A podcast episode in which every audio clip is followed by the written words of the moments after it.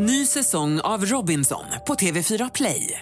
Hetta, storm, hunger. Det har hela tiden varit en kamp. Nu är det blod och tårar. Fan händer just nu. Det. är Detta är inte okej. Robinson 2024, nu fucking kör vi! Streama söndag på TV4 Play.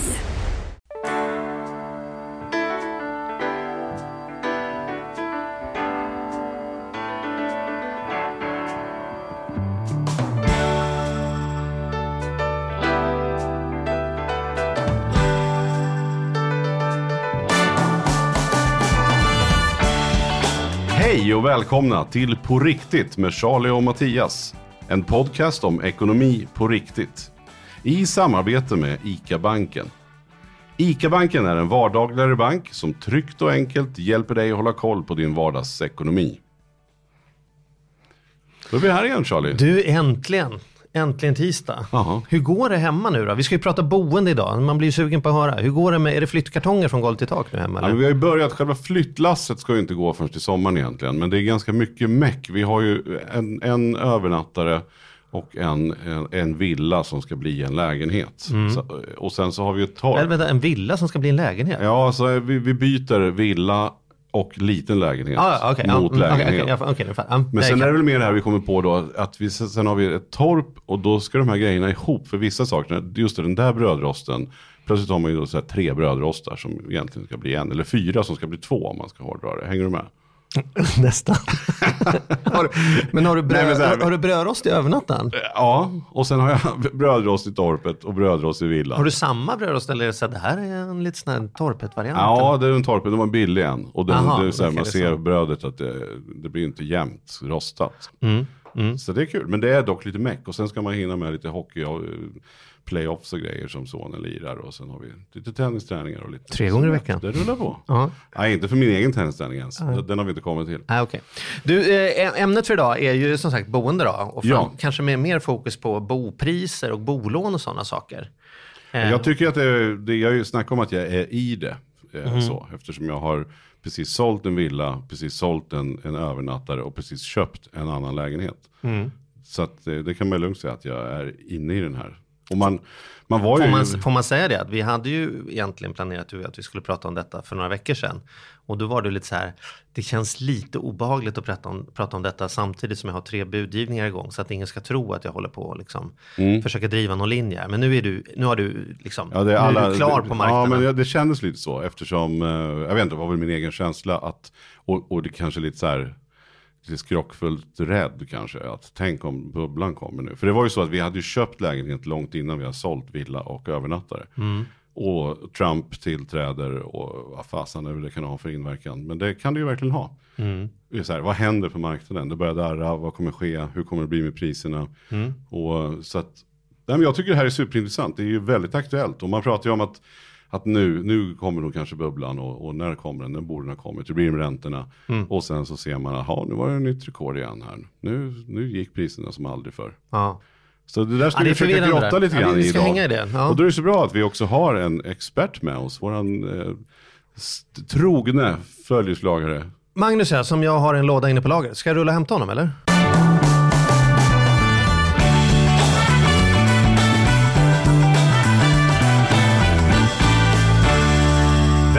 Magnus! Tack Charlie! Du är välkommen ut i lådan och framförallt välkommen till, till, man kan ju inte säga storstan för du jobbar ju här på dagarna liksom, Ja. i kungliga huvudstaden. Ja, Men du har, gör ju samma grej, för jag tänker det har vi gemensamt alla tre, att vi har den här bo, bo billigt, jobba dyrt-grejen. Du, du jobbar ju här i Stockholm och bor strax utanför Kiruna, Kiruna var någonstans eller? Vad, vad, vad är det du bor någonstans? Gävle heter det. Just det, ja precis. Jag skojar, där har jag bott. Och jag bor eh, strax utanför Ystad och jobbar lite varstans, som man gör när man har sådana jobb som jag har. Och du är ju, alltså, Mm, än så länge, inte så länge till. Matte i nypan. Vet du, när, jag, när jag har varit i Nyköping, eh, liksom på andra ärenden, så här, Ny, Nyköpingshus heter det där i mitten va? Mm. Jättefint, så här, sommar, så här, lite medeltidstjej. Ja, då kommer folk fram till mig och säger så här, men vad gör du här? Det är ju den andra som bor här. så här som att, så på något sätt så här, there can be only one, eh, Lyxfällan i nypan. Så här. Ja men eh, i alla fall, har det varit ett medvetet val, alltså här, bo billigt, eh, jobba storstad eller är det, liksom, är det boendekarriärfråga eller jobbkarriärfråga? Nej, men det var nog jobbet som bestämde. Jag ville eh, från början eh, flytta till Stockholm, men det ville inte min fru. Så eh, vi bodde i Örebro tillsammans och så eh, jobbade jag i Stockholm, pendlade. Och så tyckte jag nu flyttar vi till Stockholm för här är det bra. Men eh, hon är uppvuxen i Hagfors i norra Värmland. Och eh, kommer man från, från den mindre orten som hon gör så tycker hon att det är inte så spännande i Stockholm. Allt går fort och alla är stressade. Lite den klassiska. Men Ja. så är det ju inte riktigt. Så vi, vi hamnade istället i Gävle. Vi, vi tog Örebro och sen till Gävle. Fullt Mm. logiskt. Ja, det, Och jag fortsätter att pendla. Ja. Men känner du att det, känner du att, jag vet att det kom en undersökning så här, var är det bäst för en stockholmare att bo? Just det. Eh, Eller hur? Det var SBAB som Mm, gjorde en sån SBAB undersökning. gjorde, ja. Kom, kom, vi, eh, jag vet, Magnus vet för att vi pratade om detta, men vet du Mattias, var är det bäst, var, var bor en stockholmare, får mest bostadskvalitet för pengarna? Ja, det måste vara Nyköping utan tvekan. Ja, det skulle det kunna varit va? Ännu värre höll jag på att säga, eller ännu längre bort, eller hur? Ja, Typ. Ja men precis. Jag, då? jag, jag, jag blir tagen på sängen. Jag har inte det direkta svaret, men jag vet så här. Man, man, Västerås kommer jag ihåg Ja, men Västerås, ja precis. Ja. Man pratar mycket ytterförort, för man räknar en halv timme bortåt. Så här. Hur långt kommer Mm. man och vad kostar bostäderna? Det man snabbt konstaterar var ju att utanför Stockholm är det bättre att bo. Punkt. Mm. Så är det. Ja, Mm. ja. Det berättar jag nu till mina vänner där ute. Jag har många vänner som aldrig har varit utanför tullarna. De tror att det är någon typ av zombieapokalyps utanför. Du, skicka upp dem till Gävle, ska jag visa dem. Ja men trevligt. Ja. Ja. men jag har goda vänner i Sandviken Sen, också. sen måste man ju väga in lite andra kriterier också naturligtvis. Var man är i livet och, och hur det ser ut. Det är ju så som vi har resonerat också. Att för oss har det varit toppen att bo utanför stan när barnen har varit små. Eh, Det har känts mycket enklare. Eh, Det är vår upplevelse. Medan att vi nu tänker tvärtom. Att nu kommer det bli mycket enklare att bo i stan. Men vi får se. Men så, så Fråga mig jag, om ett halvår ska jag berätta om det. du om nervös, om vi börjar där, är du nervös för att i det här läget skifta från villa Nyköping till, till lägenhet Stockholm? Alltså om jag säger sådana här saker som bobubbla. Mm. Är, är det något som, ni måste ju pratat hemma, din fru och du är ju båda grymt vassa på ekonomi. Så det är klart att ni har pratat om vad det är mysigt att bo, men det måste ju också varit någon typ av möten när ni tänker så här, vart är marknaden på väg tror vi? Eller? Tänker Jo ni men så? så är det ju. Men då, då kan man väl dra en enklare, så här, den, det enkla svaret på den som man ju också säljer in till sig själv. Man hittar ju, det man har lust att göra är ju lätt att hitta försäljningsargument för. Ja. Och då har nog våra argument varit att eh, ju, ju längre in mot stan, ju säkrare, ju mindre kommer det att spilla. Jag tror att skulle det komma en bobubbla så tror jag att den, den, den så att säga spricker hårdare ju längre ut du kommer. Det är, vi- min, det är min tes. Vi tar experten i byrån. Finns det något belägg för det? Känner, känner du att det låter rimligt att det skulle vara bättre på Södermalm än vad det är i Söderfors?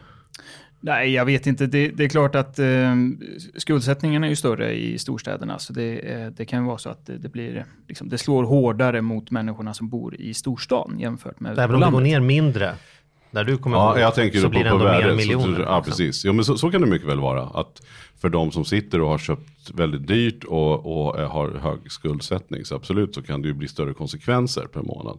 Men jag tror att det procentuellt sett i, i värdet minskar mindre I storstaden. i storstan. Ja. ja, så kan det ju vara.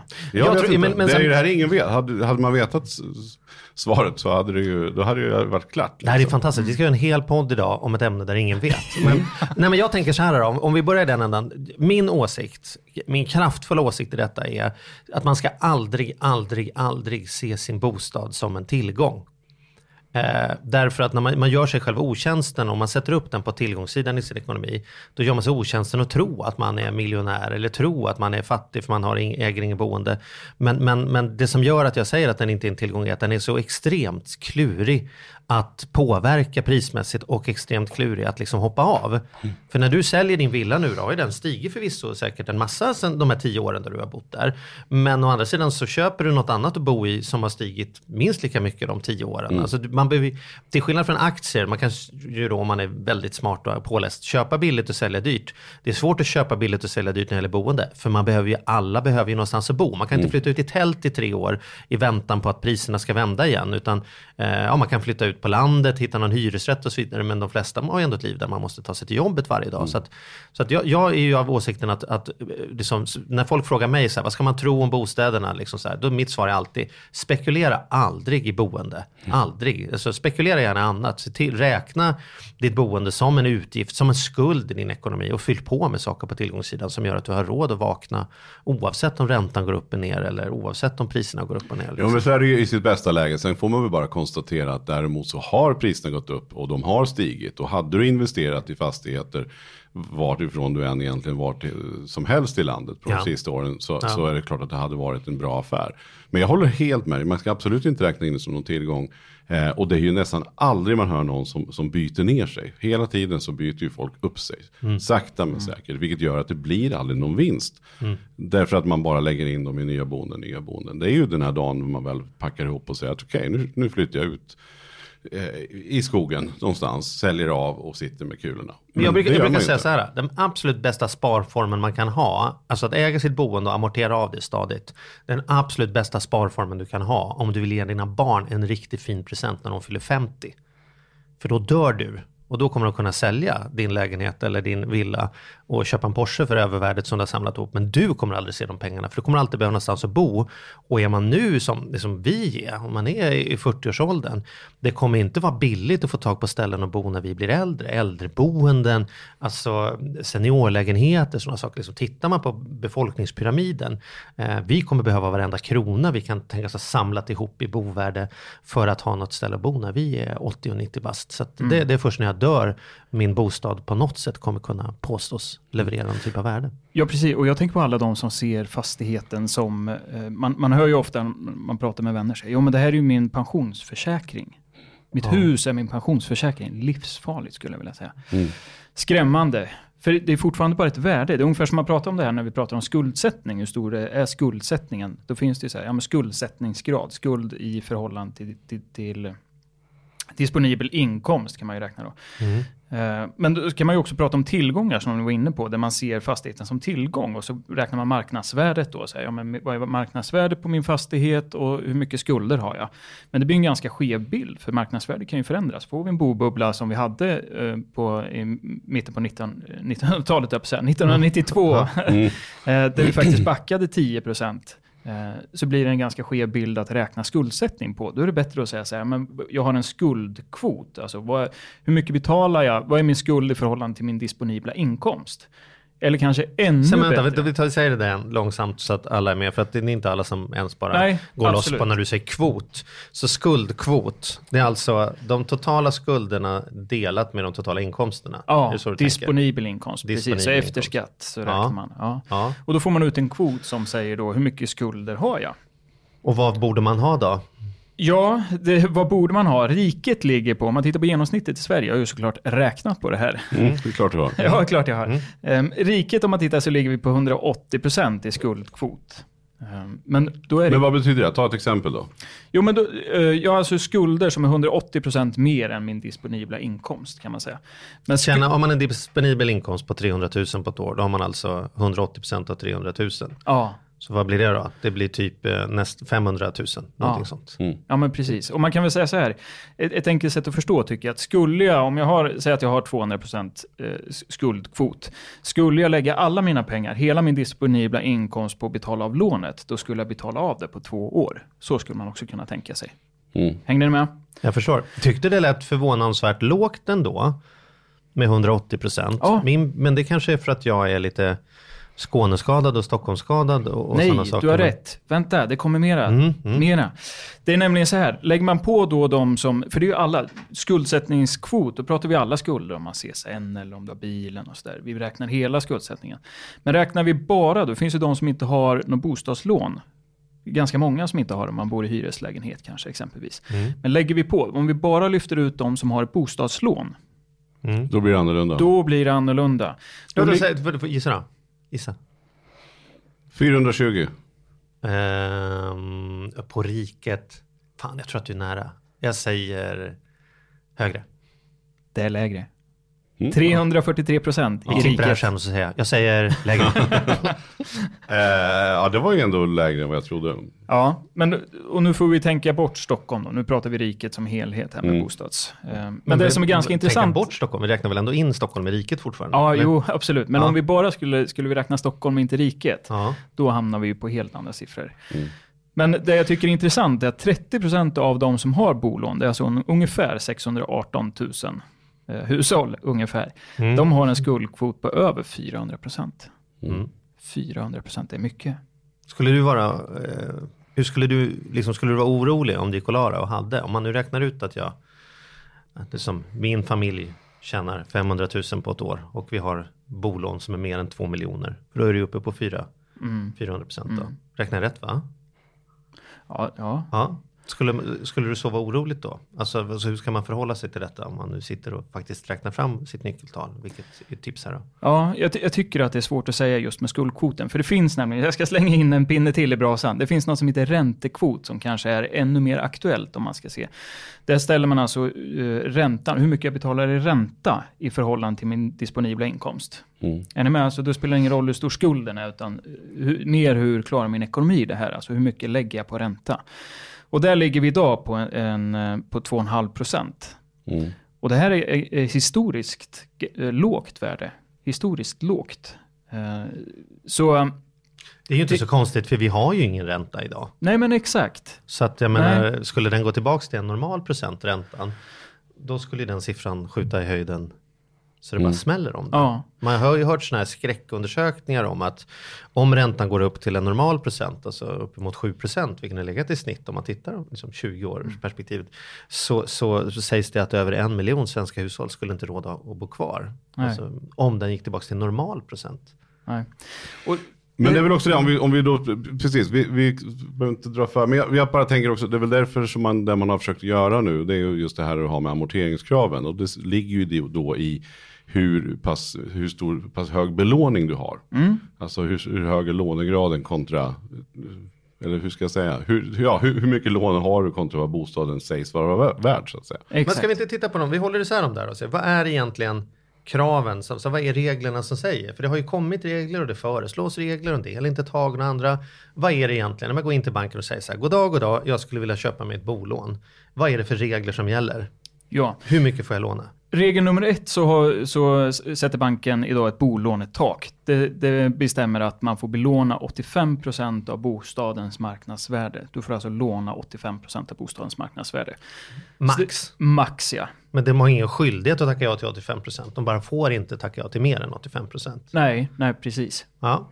ja. Så du, tycker bör- vi om du det? behöver ju skjuta in eh, resterande då 15% själv. Men vad tycker vi om det? Ja, jag tycker det är jättebra. Jag hade kunnat tycka att det var lägre å ena sidan, men så tänker man på de som ska ut i bostadsmarknaden. Är som, som ungdomar och grejer. Men det var som vi var inne på i en tidigare podd, just det här att var, var ska man in? Och behöver man in i innerstan i Stockholm? Nej, sannolikt inte. Eh, för jag tycker generellt sett att det har varit för hög, för hög belåning. Eh, För det här eller att alltså, det har legat, var uppe på 90-95 kunde man ju få lån för några år sedan. Så det tycker jag är bra att det är sänkt till 85. Men för det här tycker jag är intressant därför att det man säger är så här, ja, men hur ska ungdomar någonsin kunna komma in på bostadsmarknaden? Det är som hur ska man kunna köpa en etta om en etta kostar 5 miljoner och så ska man hitta 15 procent själv. Det är 750 000, kommer man aldrig lyckas spara ihop. Men då tänker jag så här, eftersom jag är lite marknadstroende, jag vet att Petter, vår producent, tittar snett på mig här, men, men jag tror ju en del på marknaden, då tänker jag så här, ja men hade det varit så konsekvent då, då, att man behöver hitta 15% själv, Ja, då hade inte en etta kostat 5 miljoner. Därför att då hade de som var och buda på ettor sagt så här, vi kan tyvärr bara buda 3 miljoner för att mer pengar än så kan inte vi få av mamma och pappa eller spara ihop själva här för att lägga in som kontantinsats. Så att, så att, så att alltså, de, här, de här reglerna har ju skapats väldigt mycket för att dämpa utvecklingen, prisutvecklingen. Därför man är orolig för just bobubblan-sidan. Och, och man vill inte, ingen, ingen vill säga det är politiskt självmord att säga att vi vill göra saker för, för att sänka bo, bopriserna. För folk, är det någonting folk är rädda för, det att bostäderna ska, deras egna bostäder ska sjunka i värde. Men då uttrycker man det lite politiskt och säger man, man vill hämma eh, takten som det ska öka i. Men i själva verket handlar det om det. Få ner det till en nivå som gör att det blir rimligt för de som flyttar hemifrån. Det är klart vi inte kan ha ett samhälle där människor som, som har fått sitt första jobb, jobbar och är duktiga, ändå inte kan flytta hemifrån. Då måste ju priserna ner. Det, kan, det, kan, det måste vi vara överens om. Vi måste ju ha ett samhälle där folk inte behöver bo hemma tills de är 40 för att man ska samla ihop kontantinsatsen till sin första lägenhet. Fast är, är vi inte där redan idag? Att det är föräldrarna som får kliva in eller man får ta ett dyrare blankolån för att, för att ha råd med insatsen. Vi, jag, jag upplever att vi är där idag.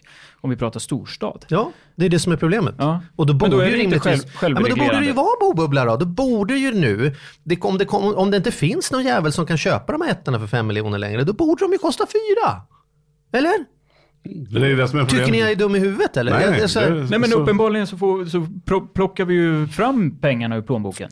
Ja, inte jag. Nej, man plockar inte fram ur plånboken, man plockar fram dem i banken. Ja, alltså man, ja. och, och föräldrar som, som lånar och, Ja, men för och det är man, då man kommer runt den här grejen. Ja, men hur kommer man runt det då? Hur, hur kommer man runt och inte spara ihop 15%? Jo, man lånar på något annat. Mm. Man, man har haft sån tur så att man har föräldrar som har ett övervärde i sitt hus. Mm. Så då säger man en del av lånet tar vi på, på mamma och pappas sommarstuga istället. Mm. Eller så tar man blankolån eller eh, andra saker. Eller hur, är, är det så man Och, sen, gör? ja, och, och att man gör det därför att man har en övertro på, på bostadsmarknaden. Man har ju sett, jag, jag märker nu, jag har ju rätt mycket klienter som är runt 20-25 år också. Eh, och även 30, de har ju aldrig sett någonting annat. För de är ju helt solklart, köper jag en lägenhet så kommer den bara gå upp. Det är bara frågan om hur mycket och hur snabbt. Det finns inte i deras sinnesvärld överhuvudtaget att, att, att någonting skulle gå ner som man köper. Och då tänker jag att då är det det som är grejen. Då köper man de här jävligt dyra, man köper det alldeles för dyrt. Man lånar ihop med hög ränta och, och för, själv från mamma och pappa. Därför man tänker om ett år kommer den ha stigit 15% i alla fall. Och då kan jag göra en ny värdering, plocka in en mäklare och då är vi nere på 85% och så kan jag skicka tillbaka de där pengarna. Det här är ju klassiskt pyramidspelstänk. Förr eller senare kommer det ju en månad när de inte stiger, eller ett år när de inte stiger de där procenten. Och då sitter vi ju i skiten. Och då är det ju ändå bra. Vi, pratade om steg ett var att man hade, har ett tak på 85%. Ja, Men ja. då tycker jag också att, att de andra stegen förhoppningsvis drar, gör någon nytta här. Och det är ju då att du får betala 2% eh, som du måste amortera på beloppet. Mm. Mellan 70 och 85% på den belåningen du tar. Och mellan 50 och 70%. Alltså om du har en belåningsramp mellan 50 och 70% så ska du amortera 1%. Visst är det så experten? Mm, det stämmer Och jättebra. varför har- varför har man Amorteringskravet? Amorteringskravet, ja. Och då är ju tanken förhoppningsvis att man åtminstone betalar av på sin skuld. Så att den åtminstone minskar för att det ska kunna, när det går ner då, att det ska finnas en viss buffert. Sen kan man ju tycka vad man vill om det är för lite eller för mycket eller hur man nu ser det. Men, Ja, men vad tycker det är ju då? ändå en åtgärd. Jag tycker att det är bra att man gör en åtgärd. Eh, sen har ju inte det påverkat priserna nämnvärt. Vad jag så Nej, det var någon månad där påverka- som de hostade till och sen Ja. fortsatte och sen fortsätter det. Och jag är ju för då att man ändå amorterar. Jag har alltid valt att amortera. Om jag köpte min första bil så vill jag bli av med den. Det är mer en känsla än kanske en sund ekonomisk inställning. Jag tror att du Charlie är ju mer för att nu placerar jag pengarna på något bättre. Där de kan ge större avkastning. Du ser ju inte boendet som en, investering. Medan för mig har det varit en, en känsla så att amortera, amortera. Försök att komma så bra, alltså att du ligger till så Ja, men du, har, du har helt rätt, så har det varit för mig. Mina föräldrar de, de, de tog ju lån på sina bostäder som de hade som plan att de skulle betala tillbaka. De liksom så här, så här många år kommer det ta för oss tills vi äger vårt boende. Det, är liksom, och det, det var ju så man gjorde då. Ja, då kanske det inte hade blivit en bubbla. Nej, men, det- nej, precis. men så växte jag upp i, i andra tider och såg det på andra sätt. För att inflationen, liksom, ja, du vet, det pågick massa grejer där. Vi ska inte hålla kurs i det. Men eftersom jag har varit in, intresserad av pengar, intresserad av investeringar och sagt att jag, jag är beredd att jobba ganska hårt för att slippa arbeta. Jag vill ha ekonomisk frihet och då har jag använt hävstången i bolån på annat. Man kan låna pengar för 3% ränta på banken och sen sätta dem i jobb någon annanstans för, för 15 procents avkastning per år. Det är ju 12 procent ren vinst. Och, och amorterar jag, det bästa som kan hända är ju, är ju, eller det som händer är ju att jag blir av med en kostnad som motsvarar 3 procent på beloppet. Så jag kan aldrig bli sämre än 3 procent. Men jag kan heller aldrig bli bättre än 3 procent. Jag kommer aldrig bli rik på eh, att betala, betala av mina bolån. Så så har det varit för mig. Och nu, jag amorterar och allt det där för nu har jag ekonomi. Men jag har, måste erkänna att jag använt hävstången i mina bostäder för att göra andra affärer. Som jag sen har använt vinsten på för att amortera. Då. Så, så att, eh, I affärer kallar man ju det för hävstång och det innebär mer möjlighet men också mer risk förstås. Absolut, Ja. så är det.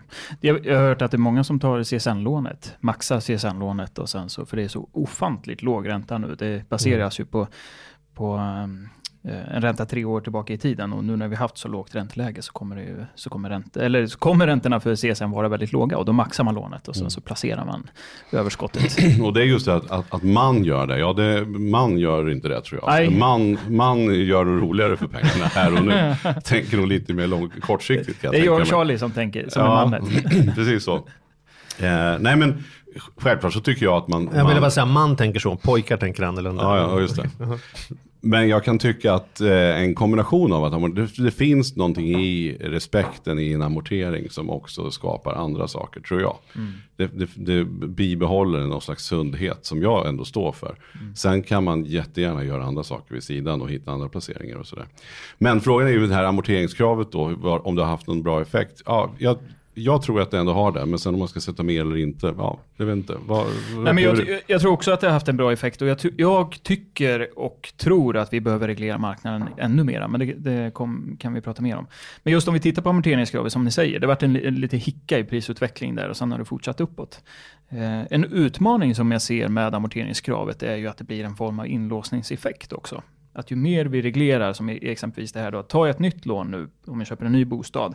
Jag kan ju sitta i en befintlig bostad där jag kanske inte Eh, Jag behöver inte amortera någonting. Jag vet när jag tog mitt första bostadslån, eh, då behövde jag inte amortera. Amorteringsfritt. Så kunde vi välja så här, nej men nu vill vi inte amortera och nu vill vi amortera. Och det är ju en ganska liksom, farlig situation när man får välja själv eller ens eget förstånd. Just Men- det, och, det, och det här vill jag flagga lite extra för. För det kan ju vara så att du sitter med en ganska, ganska schysst ekonomi ändå. Alltså värdet då förhållande lägenhet till lån är bra, det är inga konstigheter. Banken säger "Ja, det går jättebra för dig att flytta. Du, du köper din lägenhet, eller säljer din lägenhet där och sen så köper du en ny lägenhet här. Det ser jättebra ut på kalkylen. Men då måste man komma ihåg att då tar man ett nytt lån. Och då är det de reglerna som gäller på det här nya lånet. Exakt, och det var, det var det jag menade med inlåsningseffekt. Då. Det som händer nu kan ju vara att människor vill flytta till större, som man ofta vill. Man kanske bildar familj och så vill man växla upp och helt plötsligt då så får jag ett amorteringskrav i knät. Vilket gör att oj, det här kanske vi inte har råd med. Eh, och då drar man sig istället för att köpa för att köpa nytt och helt plötsligt sitter i en situation där det blir ännu större brist på de små lägenheterna, ännu tuffare komma in på bostadsmarknaden om man är ny. Man kanske till och med får kliva upp och köpa en tvåa då, där det blir det här fasligt dyra istället. Så en, en risk som jag ser, jag tycker det är bra, men en risk jag ser är att vi får, det kan bidra med, med inlåsningseffekter också här. Att man inte flyttar därför att man helt enkelt inte har råd med amorteringen. Nej, exakt. Är, Nej, och då är det ja. sorgligt att man sitter till så, för det, det ska man ju ha råd med anser jag. Men, men det är ju lätt att säga om man väl har satt sig där och har varit enkelt tidigare. Men det är någonting som jag ändå vill flagga för, för er som tänker att ni ska byta boende. Kom, kolla verkligen upp vad som gäller med banken så att man inte tror att man bara kan ta med sig sina lån och gå vidare Nej. och inte behöva amortera. Utan, Och, och på tal om amorteringskrav, jag måste nämna det också, för en del i det här är ju också om man tar ett tilläggslån. Tar man ett, eh, vad man kallar för tilläggslån om man nu vill bygga en, eh, en bastu eller en friggebod eller vad det nu ska vara, renovera köket. Tar man ett tilläggslån, antingen så får man då skjuta till det till befintligt lån och är det då så att jag trillar över de här gränserna så kommer amorteringskravet att kicka in. Eh, alternativt så får jag amortera av det här tilläggslånet på 10 år.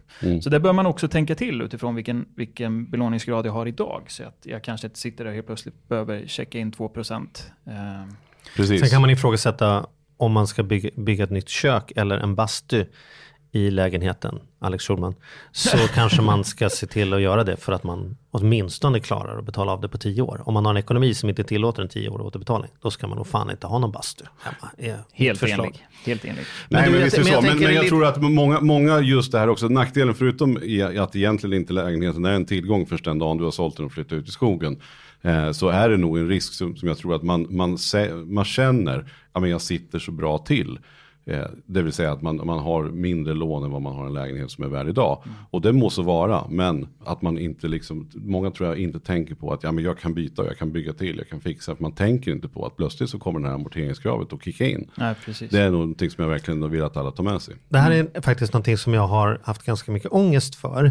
Ehm, och jag använder inte ångestordet i onödan. Men det är ju, när vi gjorde Lyxfällan du och jag Mattias, så försökte vi verkligen hjälpa människor som satt i skiten och vi försökte eh, titta på beteendeförändring, skapa en, en budget i balans och sen så gick vi till banken och sa så här, kolla nu har vi städat upp den här med ekonomi, det funkar. Kan vi baka ihop de här lånen och få fungerande? Och det folk hemma eh, kanske klickade, jag vet inte om de inte orkade se hela programmet och kom in efter andra reklampausen eller någonting, men det blev som en effekt att det ska vara lite så här, ja, men baka ihop lånen-grejen är ekonomiskt ansvarigt. Det vill säga du har maxat kreditkorten och du har, har liksom köpt eh, på Bauhaus, och du köpt ett nytt badrum på, på avbetalning. Ja, då går du till banken bara för att du råkar befinna dig i en tid när fastigheterna stiger i värde. Bakar ihop det, få in det i bolånet, då har jag sänkt räntan. Men du fortsätter sen med samma taskiga beteende som gör att du behöver ta ett nytt billån när du ska köpa bil. Du maxar kortet till nästa semester igen och så ska du baka ihop igen. Och så ska du baka ihop igen. Och då är det ju så här kissa i sängen effekt va. Och, och om folk då tror att de är lite sköna ekonomiskt ansvariga för att man har sänkt sin snittränta med 3 eh, det, där är, det där är jag rädd för att vi har gjort Sverige en, en otjänst genom att omedvetet vara någon typ av ambassadörer för fortsätt med taskiga lån för så länge fastigheterna stiger i värde kommer alltid kunna baka ihop skiten någon gång då och då kan du ta en liten extra bira liksom. Det är bra att säga det, men jag tror också, jag tyckte att vi var ganska tydliga för de som då såg även slut eller färdigt programmet, att vi sa det vid flera tillfällen. Mm. Men man hör ju det här väldigt mycket, man hör ju många, många av de här finansbolagen gör ju reklam för just precis det här ta och låna hos oss så kan vi baka ihop era dåliga lån och sätta ihop till ett. Och vi ställer inga onödiga stor... frågor. Bara en att betala till. Då. Precis, så att det där måste man se upp med. Det, det är sant som du säger. Och ja, det ska man ha lite ångest för om man tänker så.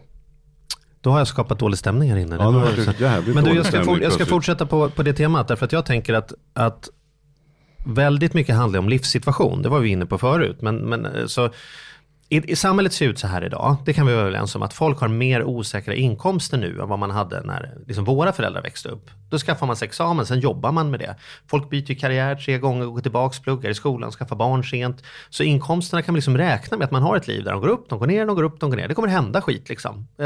Man pratar om 20 år kommer inte anställning ens vara liksom något som folk pratar om, utan man jobbar i projekt och lite sådana saker. Va? Samtidigt upplever jag att de fasta kostnaderna har ökat dramatiskt. Man har liksom 20 abonnemang och det är alltså så här, så, att, mm. så att, och för mig säger det att det är en stor risk och boendefrågan blir central då. Va? Så här, fluktuerande inkomster, höga fasta kostnader. Och det där tycker jag att jag märker att folk försöker liksom tajma in. Jag byter bostad i en fas i livet där det ser tillräckligt snyggt ut för att banken ska gå på det. Mm. Väl medveten om att om ett år kommer jag vara barnledig igen och då, kommer, då skulle vi aldrig få det här lånet. Och, och, och, alltså, är ni med på vad jag menar? Mm. Man liksom passar på och handlar medan kortet håller. Mm. Eh, och är jävligt oansvarigt va? därför att banken skulle säga nej i det andra lägret på goda grunder. Och de, den skiten sitter du ju själv mm. där sen. Va? Och skulle du vara föräldraledig och räntan går upp 5 procent. Jag har gjort det mm. förr, gjort den förr hur många gånger som helst. Mm. Då behöver du flytta från hus och hem. Och det tycker inte jag vi tar ansvar för. Liksom. Utan det blir lite så här, ja men nu lyckades jag få med mig banken på det här också. Mm. Mm. Och det många glömmer eh, med vad som är kriterierna för att få ett lån är ju någonting som heter betalningsförmåga. Det är ju någonting som är eh, extremt vanligt. Man, man, tycker att man sitter så bra till så för mig är det ingen fara. Eh, och det har jag jättemånga klienter som jobbar mycket projekt som kan ha en ganska tom, så här, hur ser närmsta sex månader ut? Ah, jag vet inte. Det jag vet är att jag har ett gig på 10 000. Eller något sånt där. Och ändå så tycker man att man då borde kunna gå till banken och få lån. Mm. Så att det, det är också någonting man måste väga in. Just det här med, med att du har betalningsförmågan. Att du verkligen kan betala. För det spelar ingen roll hur bra du sitter till med en lägenhet. Har du inga inkomster så, så hjälper ju inte det. Liksom. Precis. Har jag, har jag miljoner i tillgångar som går att belåna så får jag ändå inte få lånet. Om banken inte säger vi ser att du kan betala räntan varje månad. Om de inte ser det. Mm. Då ska man förstå att inte bara så får du inte bevilja lånet. Utan om de skulle göra det i alla fall. Mm. Då har du faktiskt ingen skyldighet att betala lånet. För då kan du säga det här lånet gav ni mig på, på jag skulle på aldrig ha fått grunder, felaktiga mm. grunder. Så då sitter banken i skiten. Så det är ju verkligen så. Och det, och det där kan man tycka vad man vill om, men det är så det ser ut. Jag, en, en, en extrem grej som hände här om veckan för mig var en, en kompis gamla mamma. Har inte jobbat så mycket och inte haft några större inkomster. Utan varit hemmafru till stor del av sitt liv. Eh, ska snart bli pensionär. Eh, så tjänar i princip inga pengar alls. Men har en lägenhet som är värd, låt oss säga runt 5 miljoner. Mm. Och har lån på 700 000. Mm. Det vill säga, sitter man ju jättebra till, tänker man. Mm. Eh, det hon kände då var för att hon ska kunna, hon har skrivit in sig och väntar på att komma in på ett äldreboende som hon ska komma in på om tre år. Men tills dess så vill hon fortsätta kunna gå till frisören och hon vill kunna göra sina ärenden. Eh, så gick till banken och frågade om hon kunde få låna 200 000 kronor för att ha råd till de här grejerna inför nu då. Varav banken då säger nej, du har ingen betalningsförmåga. Och det är den krassa sanningen. Det hjälper då inte att man sitter med, utan hon måste sälja sin lägenhet då som är värd 5 miljoner. Fast hon bara har lån på 700 000. Och det kan man ju tycka vad man vill om. Det, då blir jag så här, men det kan inte vara möjligt. Det måste väl mm. finnas en lösning på det här. Men återigen, vi kommer till betalningsförmåga. Och det finns ju någonting i det som också är, är sunt och klokt. Det är klart att man måste kunna betala för sig. Så att men det här är absolut värt att tänka på när du gör din kalkyl. För att ska du få ihop det så är det, så är det där du måste.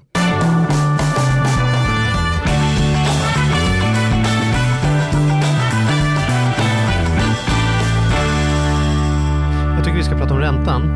Därför att jag upplever att förr i tiden så var folk så här, ja men hur kommer det här sig? Ja men det är trollen i skogen som gör det här. Och jag tycker vi är ungefär på samma nivå med marknaden och räntan idag. Så här, vad händer här? Nej men det är något med räntan. Alltså, så kan vi inte bara tillåta oss själva att vara lite korkade och nakna och börja från början. Varför går räntan upp och ner eh, om den nu gör det? Vad är, vad är, vad är, liksom, vad är ränta egentligen? Liksom, gör jag frågan för idiotenklar så vi faktiskt inte har ett svar? jo, vi, vi, vi tar experten i garderoben, vad säger Ja, du? men absolut. Det är ju så här, vi har ju en riksbank i Sverige som eh, ska se till att vi har, eh, håller, håller oss till inflationsmålet som är 2% Och inflation eh, handlar ju egentligen om att våra pengar blir mindre värda. Men då säger man att så här, det är sunt att ha ett inflationsmål på 2% Och då så styr man det här då med penningpolitik och då pratar man om reporäntan som säkert många har hört talas om. Om vi, om vi stoppar där, du säger att inflamma, äh, jag säger inflammation, Inflammation. Den ska inte öka med 2%. Ja, ja. Nej, men, men inflationen då, Mm. 2% mål, vad, vad betyder det rent krasst?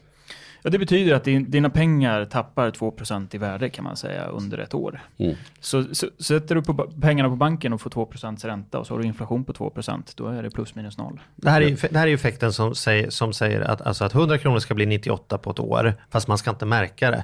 Eh, jag, jag såg en undersökning, eh, jag är själv intresserad av, av ädelmetall, jag såg en undersökning att om du köpte en T-Ford när den kom och betalade den i pengar, eller om du köpte en T-Ford och betalade den i guld, så om du, så om du skulle gå med lika mycket guld idag eller lika mycket pengar eh, och köpa en bil idag, 2016, då skulle du för, för pengarna inte få en navkapsel och för guldet skulle du få en Ford Mustang.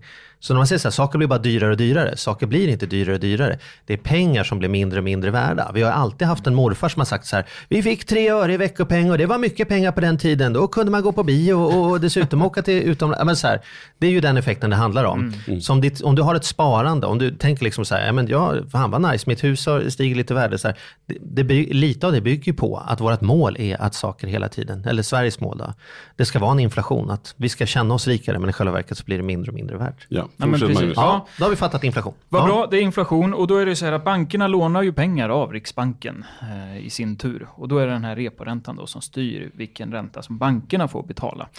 Och i sin tur då också den räntan som, som eh, sätter sig ut mot oss kunder. Och varför höjer man och varför sänker man då?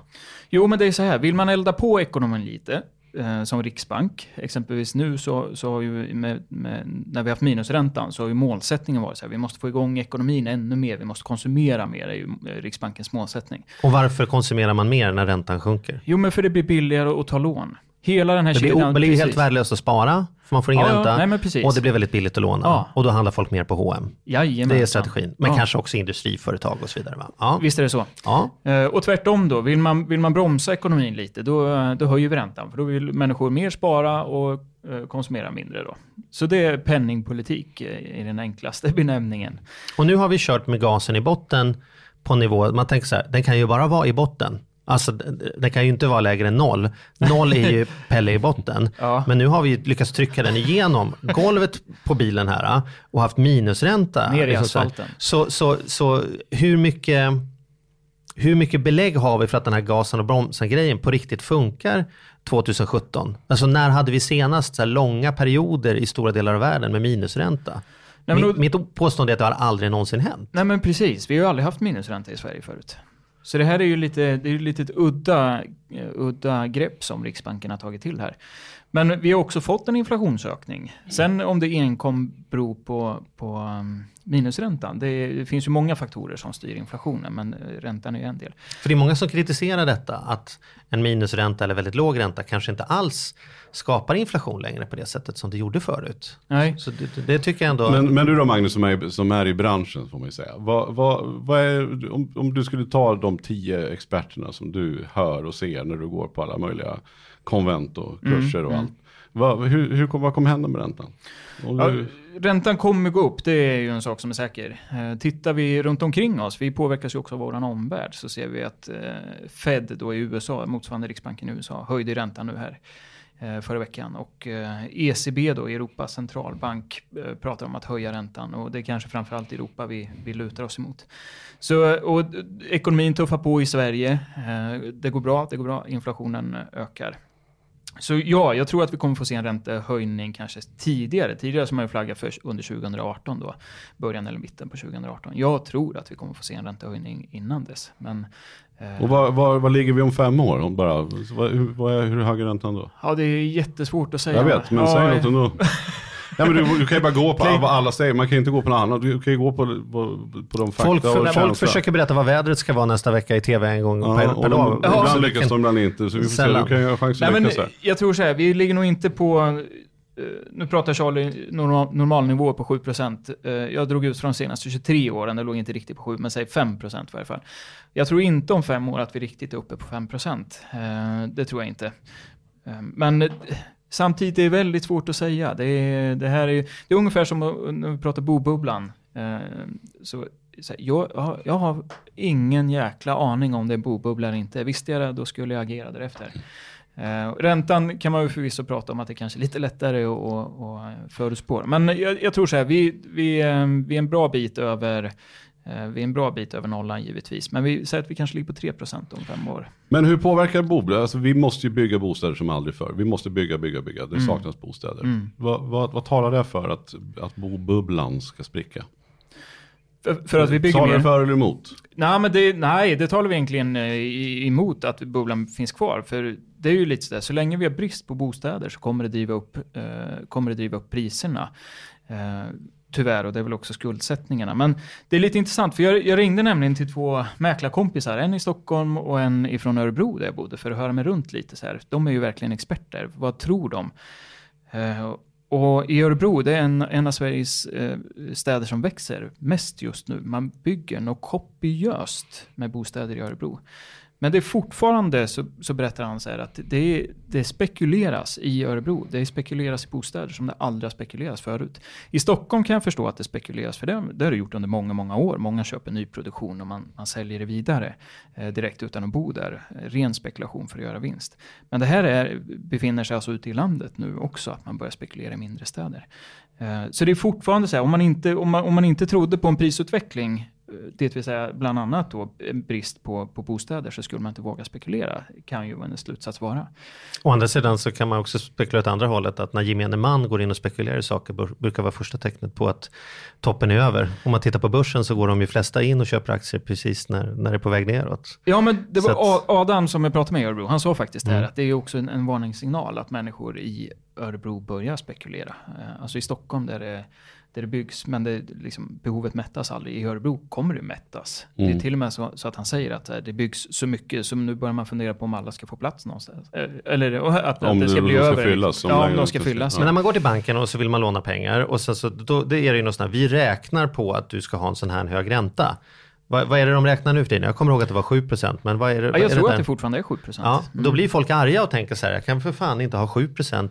Det är helt orimligt att vi ska sitta så här. Men, men så tycker du att räntorna är, alltså är banken knäpp när de räknar på 7, att du ska ha råd med 7% eller tycker du att det är det enda ansvariga att göra? Eller? Nej, Liksom? jag, ja, 7 procent tycker jag absolut. Och det är Ja. här, jag skulle, inte, jag skulle inte vilja räkna själv på något annat än 7 procent eller mer. Min ekonomi måste tåla en, en, liksom en ränta. Även om procentuella, alltså stegringen blir ju enorm om man, om man jämför med vad man ligger på idag, en 60, en 70 liksom. Mm. Men det är fortfarande så här, 7 procent är inte orimligt. Vi måste ju tänka utifrån vad, vad är rimligt. Mm. Om någon skulle säga så här, men vi kan ha en ränta på, eh, på 24 procent som vi hade under, när vi, när vi hade 500 procents räntan, Mm. så låg boräntan på 24 procent under, under en kort stund. Då. Men då börjar vi prata om orimliga nivåer, men 7 procent är inte orimligt. Ja, som ni hör i min ton här så är jag ju något mer negativ för, alltså jag är mer orolig så att jag vill ju som jag understryka oron. Så jag ska göra en sista sån orosfråga här och det är just när det gäller bostadsrätter. Därför att när banken räknar, och likaså om du går in på de här liksom bosajterna och så drar man så här, du vet, om räntan går upp så här mycket, hur mycket kostar det då? Då räknar man ju bara på den ökade kostnaden det innebär på bolånet. Alltså om räntan går från 2% till 7%, då räknar man så här, det här är hur mycket dyrare bolånet blir. Men föreningen har ju lån på 10, 20, 40, 100 miljoner som också ökar så att jag menar, man måste ju räkna med en motsvarande ökning i månadsavgiften och det, det är väldigt få som ens tänker på att går räntan upp så går, ju- går ju månadsavgiften också upp med motsvarande del på samma sätt. Och speciellt idag när föreningar, väldigt få föreningar har ett sparande, väldigt få föreningar jobbar långsiktigt och har lagt undan pengar för ett nytt tak och nya hissar och nya fasader och byta fönster och definitivt inte lagt undan för någon kommande räntehöjning. Hade jag suttit som ordförande i förening, då hade jag försökt övertyga de som bodde där och säga så här, vi borde sätta av varje månad på ett konto motsvarande 5% ränta. Sen har vi rörlig ränta, men vi sätter av motsvarande 5%. Så de pengarna vi tjänar då, då ligger i en pott för när väl räntan går upp, ja då kan vi använda dem för att betala, så ligger vi stabilt och långsiktigt. Den föreningen tror jag man får leta länge efter att hitta i Sverige idag. Det är lite läskigt. Men det är också ett tips när du ska köpa, se över bostadsrättsföreningens ekonomi och, och verkligen titta på den. Och det är också någonting som man kan be sin bank om att hjälpa till eller någon annan anhörig som är duktig på ekonomi om man inte känner att man kan själv. Och titta på vad det faktiskt betyder, för det har ju, kan ha en enorm betydelse. Ja, verkligen. Och där också så spelar ju månadsavgiften, jag tror att det är också en hysteri där. Man, man bryr sig inte så mycket om månadsavgiften, man, bara, man tittar bara på vad, vad den kostar. Ja men här kostar faktiskt en halv miljon mindre, ja men det kan vara aktuellt. Ja fast hur mycket betalar Jag har två räntefrågor kvar. Ska jag, bör- ska jag köra dem? Kör. Den första. Ränteavdrag. Alltså, kan vi tro att vi kommer ha ränteavdrag i framtiden? Redan när jag varit i Almedalen varje år, det är en sån återkommande fråga som dyker upp så här. Varför ska vi ha ränteavdrag? Varför ska man ha just 30% rabatt på att låna pengar? Är, du, är, är vi för eller emot ränteavdrag? Är det nästa sak nu efter amorteringskrav och efter eh, kvot eh, 85%? Alltså, Ja, men ska vi prata om regleringar? Som vi nämnde, nämnt så är amorteringskrav och bolånetaket är ju de befintliga regleringar som finns idag som vi behöver leva efter. Och nästa som man pratar om är ju ränteavdraget som Charlie säger. Du har ju rätt att dra av 30% av dina räntekostnader eh, i, din, i, i skattedeklarationen då, upp till 100 000 och sen över 100 000 så är det 21 procent. Men och, så här, för att svara på din fråga Charlie, ja, jag, som jag sa, jag tycker att vi behöver fler regleringar där en nedtrappning av ränteavdraget faktiskt kan vara en, ett sunt sätt att att eh, här, det kommer bli dyrare för människor att bo, absolut. Men det, det, Det gjordes ju för ett gäng år sedan när jag var fastighetsmäklare så tog man bort räntesubventionerna som var för bos- nybildade bostadsrättsföreningar. Då hade man så här statliga räntesubventioner och sen trappades det av på fem år. Det slog dramatiskt. Det slog dramatiskt på sådana bostadsrättsradhus och sådana saker. Var det många som gick från att ha ett värde på 500 000 till kanske värde på 50 000 och månadsgift på 8 000 som gick till 16 000. Och du vet, de hade inte råd att bo kvar och de hade inte råd att flytta. Så, så det kommer kanske göras en mer försiktig avtrappning här, men, men någonting måste göras för att avmatta prisutvecklingen. Tänker Jo, men jag. Ränteavdraget kan vi- vara i fara då. Med tanke på att vi inte såg riktigt den effekten. Så här, ja, poli- pr- pratar vi politiker så är det klart att de säger att de sett effekten på, på amorteringskravet. Eh, men vi såg ju som sagt, det hickade till. Och sen, vi har fortfarande, hela riket så har vi en prisutveckling, om vi nu eh, pratar villor, på 9,8 procent i hela Sverige under de senaste 12 månaderna. Så jag menar, det är fortfarande så tuffare på. Det blir dyrare och dyrare. Det känns ju lite som att vi, vi har det är lite dystert här inne idag. Men det är väl också, det är ju bara så att det måste få vara lite dystert. Jag, det här är ju faktiskt sant. Jag tror det är många som inte tänker på de här bitarna. Och vi behöver ju börja dra i någon form av handbroms. Eh, generellt sett. Och att man också själv, var och en själv måste ta lite större ansvar och till exempel titta på bostadsrättsföreningens ekonomi. Titta på konsekvenserna om du räknar på 7% ränta. Titta på konsekvenserna om ränteavdraget upphör. Vi måste var och en sätta oss och fundera på det. Innan man går och köper den där nya bilen eller köper den där schyssta lampan eller fåtöljen eller nu kan vara. Bygga upp en buffert. Och det här låter ju så här trå- tråkigt och klassiskt men det är fan dags att göra det. Vi kommer nog, alltså det kommer bli dyrare att bo. Den saken är i alla fall helt klar. Eh, det är någonting som jag vill att vi ska skicka med oss. Har ni två några andra tips? Ja, jag tänker att ett tips när man börjar titta över hur man klarar eventuellt räntehöjningar, räntesänkning och sådana saker. Det är ju den här klassiska frågan som jag tycker vi inte gör liksom våra lyssnare en rättvisa om de inte får chansen på. Det är ju, är det läge att binda? Ska man ha bundet? Ska man ha rörligt? Ska man ha lort, kort? Ska man ha långt? Det har ju det höjts lite röster nu de senaste veckan som säger så här, det kanske är bindningsdags. Ja. Hur, hur tänker ni? Jag är ju en rörlig, som jag berättade, jag är en rörlig kille. Jag sätter hellre av, jag gör en mental bindning. Jag sätter av mer mot, lever som om jag hade en högre ränta och sen så, och sen så, sen så betal, ja ni fattar. Mm. Ja, men så är jag också. Men eh, är man mån om att veta vad man ska ha för månadskostnader i ett nytt boende, särskilt eh, om du har flyttat eller ny lägenhet eller vad, med tanke på det vi pratar om. Behöver man ha en summa att gå efter så tycker jag absolut att man ska binda eh, någonting, någon del av det. Mm. jag är också en rörlig kille. Ehm, men jag, jag tycker också som Mattias säger att framförallt har man det tajt i ekonomin och behöver verkligen, då kan det vara värt att ta den här extra kostnaden som det faktiskt innebär att, att binda. För det blir Som är historiskt väldigt liten extra kostnad just nu får man ju säga jämfört Ja, med ja, vad det absolut. var när jag Ja, var det- fastighetsmäklare i alla fall. Då kunde det vara nästan dubbla räntan bara. Ja, Mitt sista tips här är ju då om du nu ska flytta eller köpa lägenhet eller hus eller vad du gör. Så dela upp det så att du kanske har ett par, tre lån. Låt dem ligga rörligt då. Så att du åtminstone kan binda något av dem. Eh, Så att du inte behöver göra om hela karusellen. Då kan du hellre ha två eller tre lån ligga rörliga. Och märker du att det börjar hända saker så kan man ju lite, lite snabbare gå in och binda då. exakt min, min åsikt i detta, om vi ska prata om tips eller idéer, det är att jag tycker, alltså man går inte in till Mercedes och frågar vad tycker ni att det är rimligt att man har i bilkostnad varje månad? De kommer säga en hög siffra. Jag tycker inte man ska gå in till banken och be om ett lånelöfte och utgå ifrån att det är på den nivån jag ska köpa boende.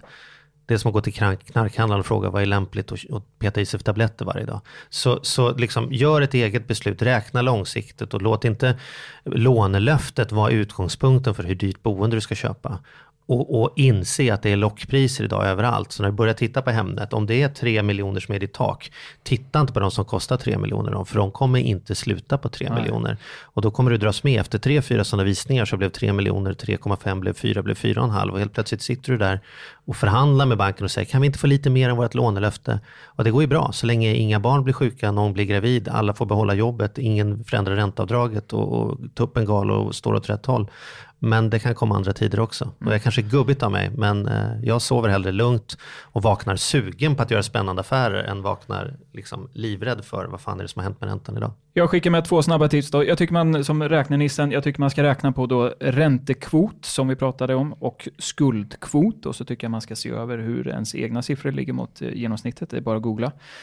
Vi kan väl lägga ut det. Vi lägger ut Facebookgruppen, så enkel, bara så här, räkna, hur räknar man? Ja, Så här, det delat med det är lika med det. Och lite så riktsiffror. Mm. Det gör alla, alla kommer inte ihåg högstadiematten med självklarhet på dagarna. nej. Och sen så vart jag inspirerad av dig Charlie här när du sa att man kan faktiskt bli sjuk och det kan hända saker i livet. Jag gjorde en film och ett blogginlägg om just hur eh, svår sjukdom slår mot eh, ekonomin. Och det är ju, gå in och läs det för där får man upp ögonen vad som händer. Vi länkar upp till den också. Ja, Om ni inte tyckte det här var dystert på nog kan ni också ta sjukspåret när ni ändå håller på. vi ska vara friska men ut ifall det händer. Jag eh, passar då på att tacka Magnus. Tack. Att du kom. Tack min kära kollega Charlie. Tack kompis. Tack